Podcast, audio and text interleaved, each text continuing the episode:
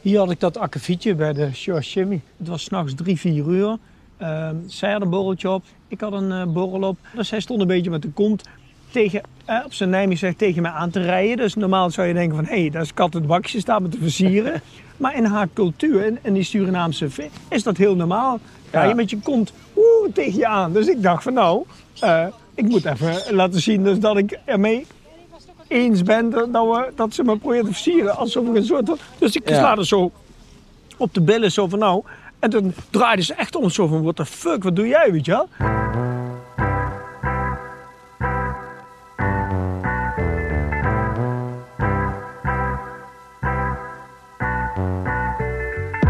Dit is Praat over de Grens. Een podcast over seksueel grensoverschrijdend gedrag richting vrouwen. Hoe kijken mannen daarnaar? En vooral ook, hoe kunnen we daar open met elkaar over praten? In elke aflevering gaan twee Nijmeegse mannen, die elkaar eigenlijk nog helemaal niet goed kennen, met elkaar het gesprek aan. Over misschien wel het meest ongemakkelijke onderwerp van deze tijd. Samen lopen ze door de stad. Want lopend praten is toch net wat makkelijker. In deze aflevering luisteren we naar het verhaal van Perry. Mijn naam is Perry Uweda, ik ben 51 jaar. Geboren en getogen Nijmegenaar, daar ben ik enorm trots op. Ik uh, doe al 42 jaar vechtsport. Ik heb al 30 jaar een eigen sportschool en een jaar of 25 geleden ben ik begonnen met mensen begeleiden op allerlei manieren, vooral in, in gedrag. Hij gaat in gesprek met Tobias. Ik ben uh, Tobias van Keulen, 26 jaar. Ook geboren en getogen in Nijmegen. Ik, uh, ik ben jongerenwerker uh, in, in Nijmegen bij Pintkracht 10. Perry neemt ons mee naar waar hij leerde wat het betekent om een man te zijn. De wijk waar hij opgroeide. De Wolfskuil. Ik ga jullie rondleiden, ja. In jouw uh, wijkie? Ja. We lopen nu inderdaad door de Varenstraat. Gelukkig uh, gespaard gebleven. Uh, dit is de wijk Wolfskuil. En we mm komen net vanaf de Wolfskuilsweg. Dat is wel een beetje de, de grens vroeger van... Heel vroeger noemden ze dit gedeelte van de Wolfskuil de Rimboe. Dat was ja? dan een beetje, ja, dus daar stond ik op muren gespoten met graffiti, zeg maar, Rimboe. Dat was dan ja, de, een beetje een, een soort van Azerwijk, noem ik het even, maar heel veel straten. Ja. Dus waar ik gewoond heb de Mosstraat, de Erikenstraat. Die waren hier in dit blok, maar die zijn dus ja, die zijn, uh, afgebroken met, met de nieuwbouw. Ja, gebeurde er ook veel in de Rimboe? Of, uh... Ja, dat was, dat was echt een, uh, ja, voor mij als kind zijnde, een geweldige wijk. Want wij hadden waar nu de Wolvenlei is, op de Wolfskuilseweg, dus een nieuwe flat gebouwd. Mm -hmm. Voordat daar de Wolvenlei was, was daar de Kuil. De Kuil noemden we dat in, in Nijmegen, zeg maar. Maar de Kuil, dat was een braakstuk terrein. Daar hadden mm -hmm. we een crossbaan. Dus dan kon je met, als je dan een bromfietsje of een crossmotor had, kon je daar, werd ook echt crosswedstrijden gehouden. Dus dat was echt oh ja, een lekker. hutten bouwen. Uh, vriend, hutten bouwen en dan kon je echt uh, rommelen, zeg maar. Weet je wel? Dus voor mij was dit een wijk. Uh, ja, stel dat je uh, qua streek had uitgehaald en die politie zat je achterna en je zou bijvoorbeeld iemand hingen eraan. Perry, ga, hier, ik heb een schuurdeur open. Stop je maar in mijn schuur. En dan zei ze tegen Wouter van, je moet die kant op. Dus ja, dit is... Lekker van, volks. Ja, echt ja. een volkswijk.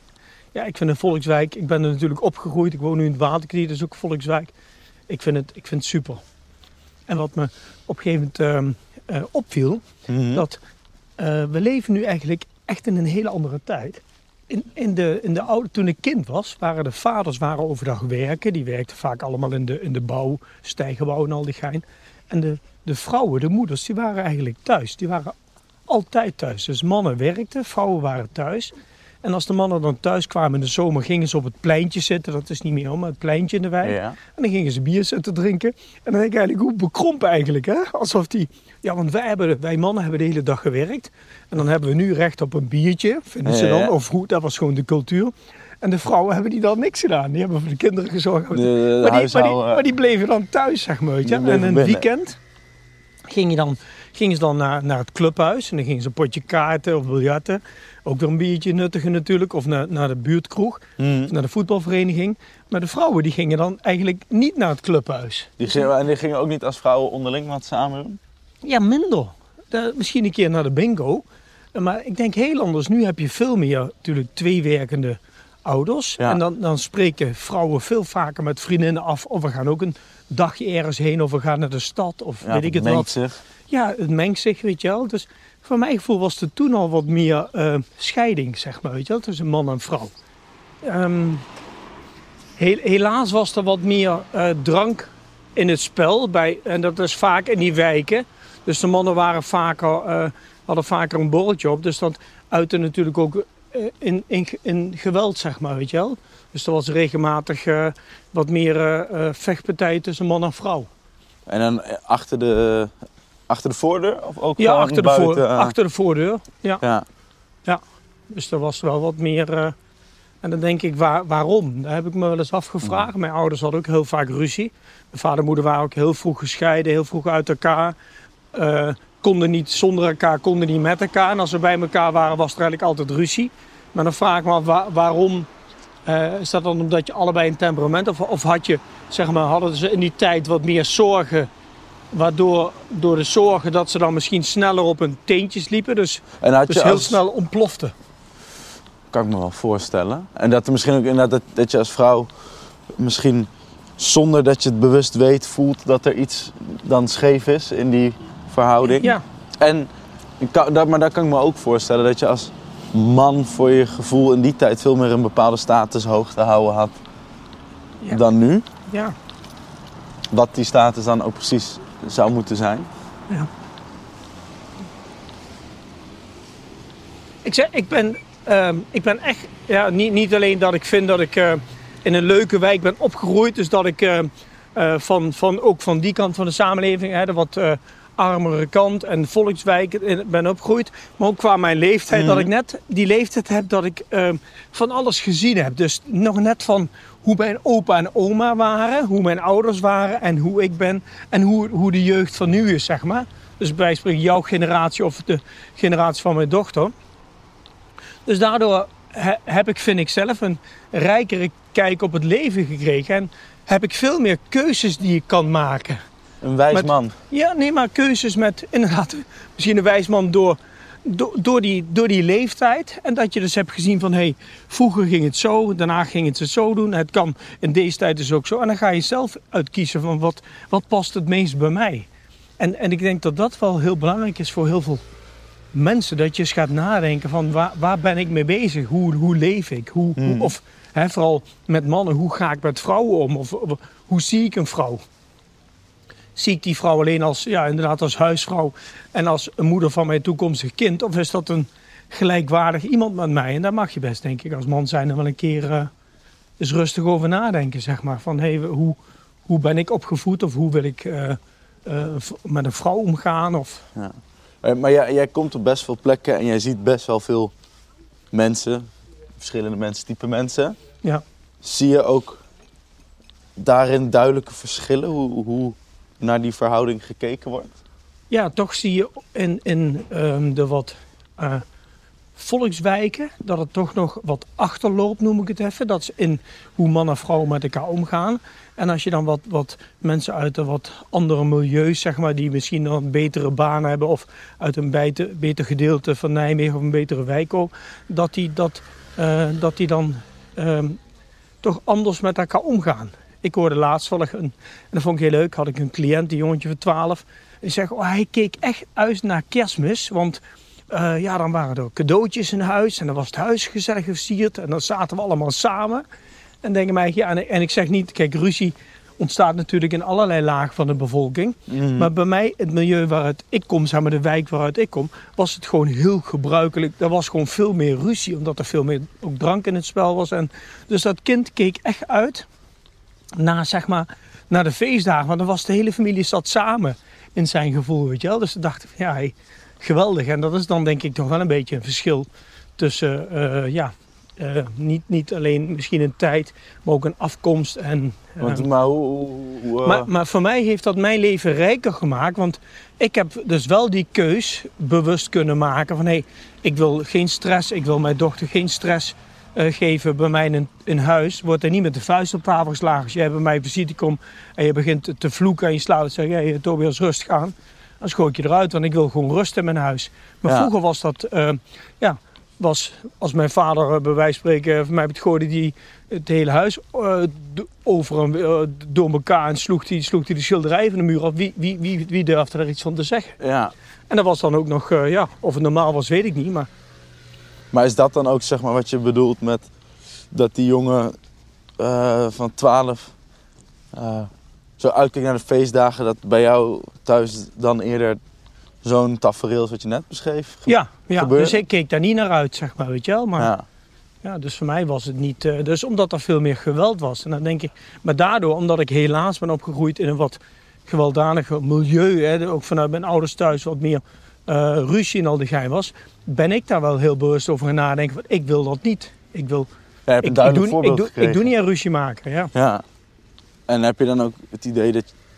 Want zo gaat het van generatie op generatie. Dat, hè, jou, ja, je zegt het zelf, ik heb zelf ook eh, ik heb een dochter. Dat, dat je ziet dat het ook op de huidige generatie dan alweer nog wat zachtzinniger wordt doorgegeven. Of, Ehm, ja, dat, dat, durf ik, dat durf ik niet te of zeggen. is die nog te jong, die huidige generatie? Ja, dat, maar ik, ik merk dat nu omdat ik natuurlijk nog wel eens contact heb met leeftijdsgenoten van mij waar ik vroeger in de wijk ben mee opgegroeid. Mhm. En die zijn allemaal een stuk rustiger dan, dan, dan dat onze ouders waren, Ja. zeg maar, in hun relatie. Dus die hebben dus veel meer respect voor elkaar, voor mijn gevoel noem ik dat even, respect voor elkaar Mhm. gekregen dan dat mijn ouders voor elkaar hadden. Ja.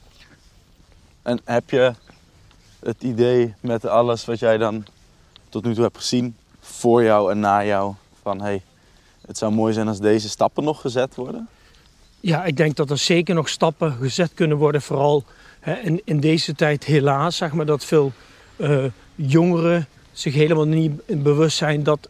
ehm, vooral jongens, hè, dus jongens nog niet bewust zijn dat een vrouw gelijkwaardig is als ons. En dat je die ook gelijkwaardig moet behandelen. En niet met, hé schatje, geef me je nummer en zo niet, dan, eh dan ben je een kuthoer. Want dat is Ja. wat, eh, weet je wel, dan staan, eh, ja... Dus dat, dat eh, ook jongens zich nog wel eens wat meer mogen gaan afvragen van hoe ga ik eigenlijk met, met een vrouw om. Ja. Maar vooral gedrag tegenover vrouwen, weet je wel. Ja. Gewoon van, gedraag je gewoon normaal, weet je wel. Ja. Maar en is dat dan eh, dat ze besef niet hebben?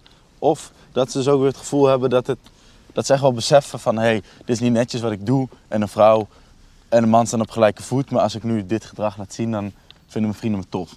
ja, ik denk dat het 50-50 is. Aan de ene kant hebben ze gewoon geen idee... eh, ja, datgene hoe ze zich gedragen, dat het niet goed is. En aan de andere kant ook inderdaad misschien wel. Want als ik me zo gedraag, vinden mijn vrienden mij stoer. Dat is ook weer een vorm van groepsdruk. Ja, Want of, of mijn vrienden doen dat en, en jij slaat eh, mij tegen de reet aan. Ja, dan ja, Tobias doet dat, dan kan ik dat toch ook. Zonder, maar ja, is, Ja. Is, ja. Maar als niemand ooit, dan, als niet een van die vrienden een keer durft te zeggen in een vriendenploeg, jongens, wat wij doen, dat kan eigenlijk helemaal niet, je wel. Want, nee, nee. want eigenlijk is het aanranding als die meid huilend naar het politiebureau rent en ze zegt, ik, ik ben aangerand door, door Perry, want die sloeg me in mijn kont, dan heb ik een probleem. Ja.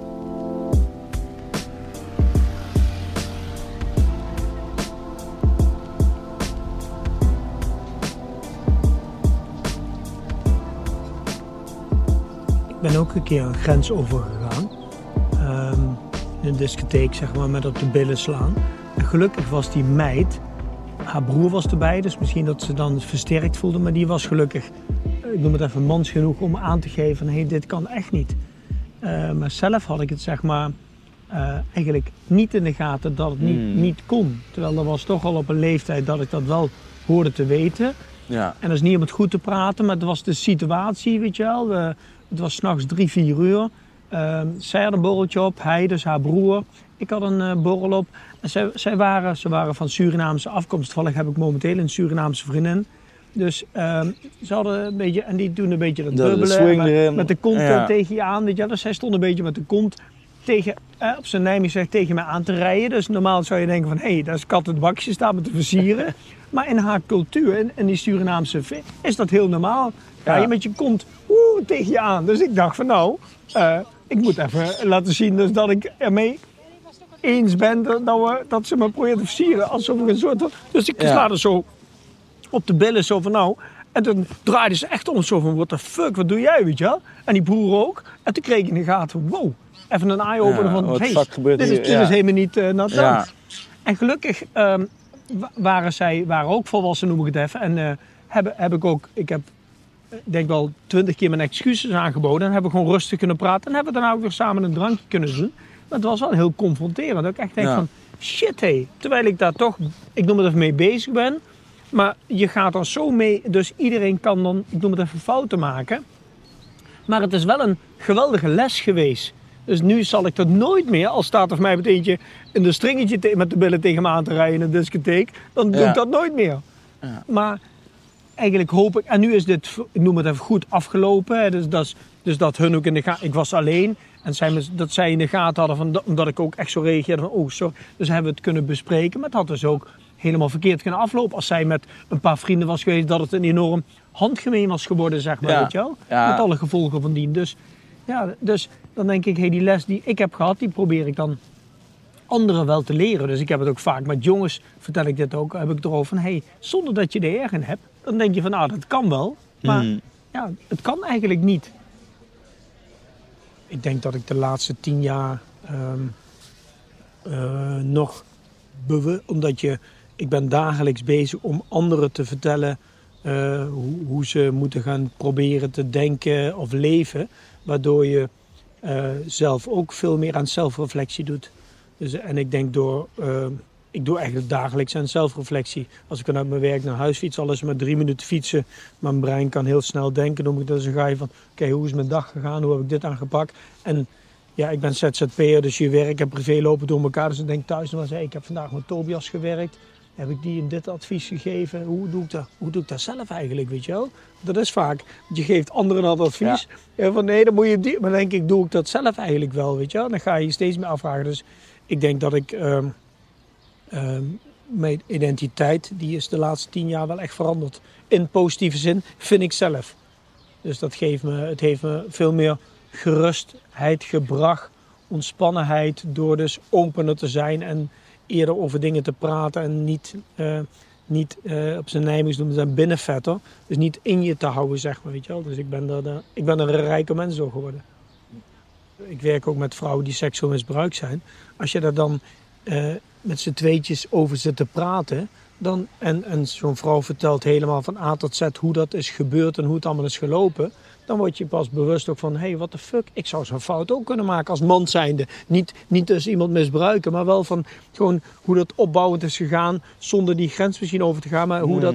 Dus dan word je heel bewust van, hé, hey, hoe... Dus dan ga je, eh, krijg je een andere kijk erop, ja. Dus dingen die wij als man normaal vonden, dat dat als een vrouw dus niet als normaal ervaren wordt. Maar daar kom je pas achter door daarmee in gesprek te gaan. En door er bewust, wat ik zeg, een zelfreflectie over na te denken. Hier is wel leuk, we lopen nu, um, laten we zeggen, richting Hezelpoort. Hè, vroeger de ingang naar, naar de stad Nijmegen toe, zeg maar. Daar, ehm, daar heb ik een keer een leuk, of leuk, eh, iets, iets... Ik kwam uit de stad en het was eh, volgens mij s'nachts een uur of twee. En toen liep er een meid, zeg maar een eh, meter of veertig voor mij. En, ik merkte dat mijn looptempo gewoon wat hoger was dan dat van haar. Dus ik kwam dichterbij. Mhm. En toen ben ik, op een gegeven moment ben ik, eh, het was vanaf die kant ben ik overgestoken. Aan de andere kant gaan lopen. Omdat ik dacht van, hé, hey, die meid moet zo dadelijk onder die tunnel door. En ik had zo'n beetje eens gehad van, hé, de buurt van die tunnel kruisen we elkaar. Dus die voelt zich natuurlijk enorm ongemakkelijk misschien. Dus toen ben ik eigenlijk naar de, even aan de overkant gaan lopen, als het ware, om, om haar, zeg maar, ehm, een ge- gerust gevoel te laten hebben. Dat Niet niet alsof je onder het tunneltje van, oh, er loopt ja. een, kerel achter me. Terwijl toen ik jonger was, zou ik daar helemaal niet over nadenken. Niet dat ik iets van plan was met dat meisje toen ik jonger was. Maar dan loop je gewoon door en dan sta je er dus helemaal niet. Maar nu ik dus ja, wat ouder ben, wat meer ervaring, dan denk ik, ja, dat meisje moet zich s'nachts om twee uur, die heeft al toch wel een beetje lef om alleen naar huis te durven Ja. lopen. Maar dan loopt er een vreemde kerel achter je. Ja, ik durf te wedden dat, dat bijna geen enkele man daarover nadenkt. Of, Nee, of jonge nee. man. eh. Misschien ook door mijn werk. Ik werk veel met jongeren en met gedrag en daar ben je veel mee bezig. Maar, maar dan denk ik mij, en, en het is zo'n kleine moeite. Ik, ik bedoel, dat is dan 10 meter meer lopen, even de straat oversteken. Ja. Maar het geeft iemand een enorm gerust gevoel. Maar toen heb ik dus tegen vrienden verteld. En die vrienden echt zo van, wat de fuck, daar zou ik, zou ik nooit aan komen. Nu je het zegt, ja tuurlijk moet die griet zich ongemakkelijk hebben gevoeld. Van shit, er loopt een vreemde kerel achter me, weet ik het wat, weet je wel. Dat is heel ongemakkelijk. En, ja, het is, en door de straat even over te steken, geef Ja. je dus iemand een gerust gevoel, zeg maar, weet je wel. Ja, die, eh, die vrouw die kan eh, een heel scenario in haar hoofd al hebben afgespeeld Ja, eh, over En- wat er allemaal niet kan gebeuren. Ja. maar het geeft ook aan in hoe, hoeveel kleine dingen het al kan zitten. Ja.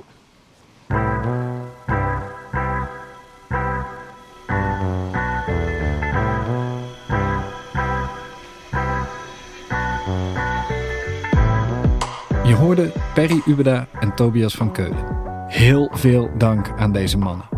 Het is niet makkelijk om dit soort gesprekken te voeren.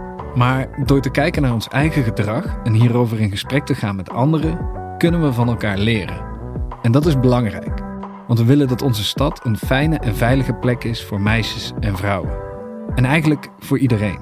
Wil jij ook praten over de grens met vrienden, collega's, broers, teamgenoten of andere mannen? En heb je daar handvatten bij nodig? Ga dan naar nijmegen.nl/slash over de grens voor tips voor het voeren van een gesprek over de grens. Je kunt je ook inschrijven voor een gratis workshop van Emancipator. Praat over de grens is gemaakt in opdracht van gemeente Nijmegen. De podcast is tot stand gekomen in samenwerking met bureau Ruimtekoers en is onderdeel van de stadscampagne Praat samen over de grens. Het artwork is van Donka. Opname, edit, mixage en sounddesign door Ondercast. Bedankt voor het luisteren.